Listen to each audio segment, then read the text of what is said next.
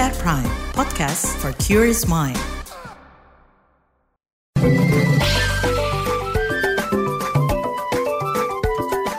WhatsApp Indonesia.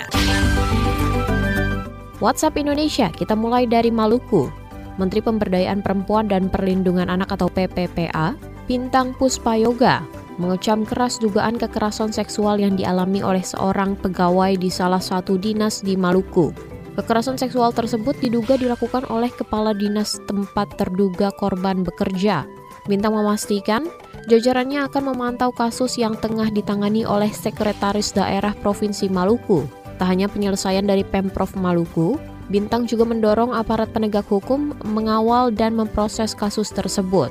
Menurut Bintang, terduga pelaku bisa diproses dengan UU TPKS dan hukuman disiplin lantaran statusnya yang masih ASN.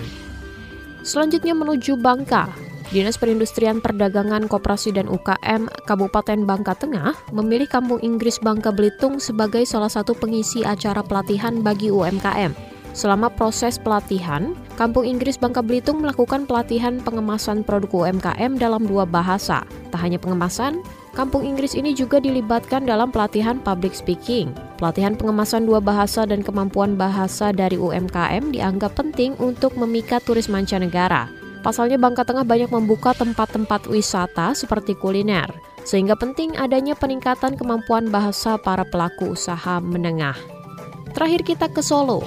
Rentetan jadwal konser musik dan juga sepak bola Liga 1 di Stadion Manahan membuat pemerintah kota Solo mesti memutar otak Wali Kota Solo Gibran Raka Buming Raka memastikan pihaknya bakal terus merawat dan menjaga ketahanan Stadion Manahan jelang penyelenggaraan Piala Dunia U17. Gibran menyebut konser-konser dari Dream Theater, Dewa 19 hingga Putri Aryani peraih Golden Buzzer di ajang America's Got Talent hanyalah pengisi kekosongan sebelum penyelenggaraan Piala U17.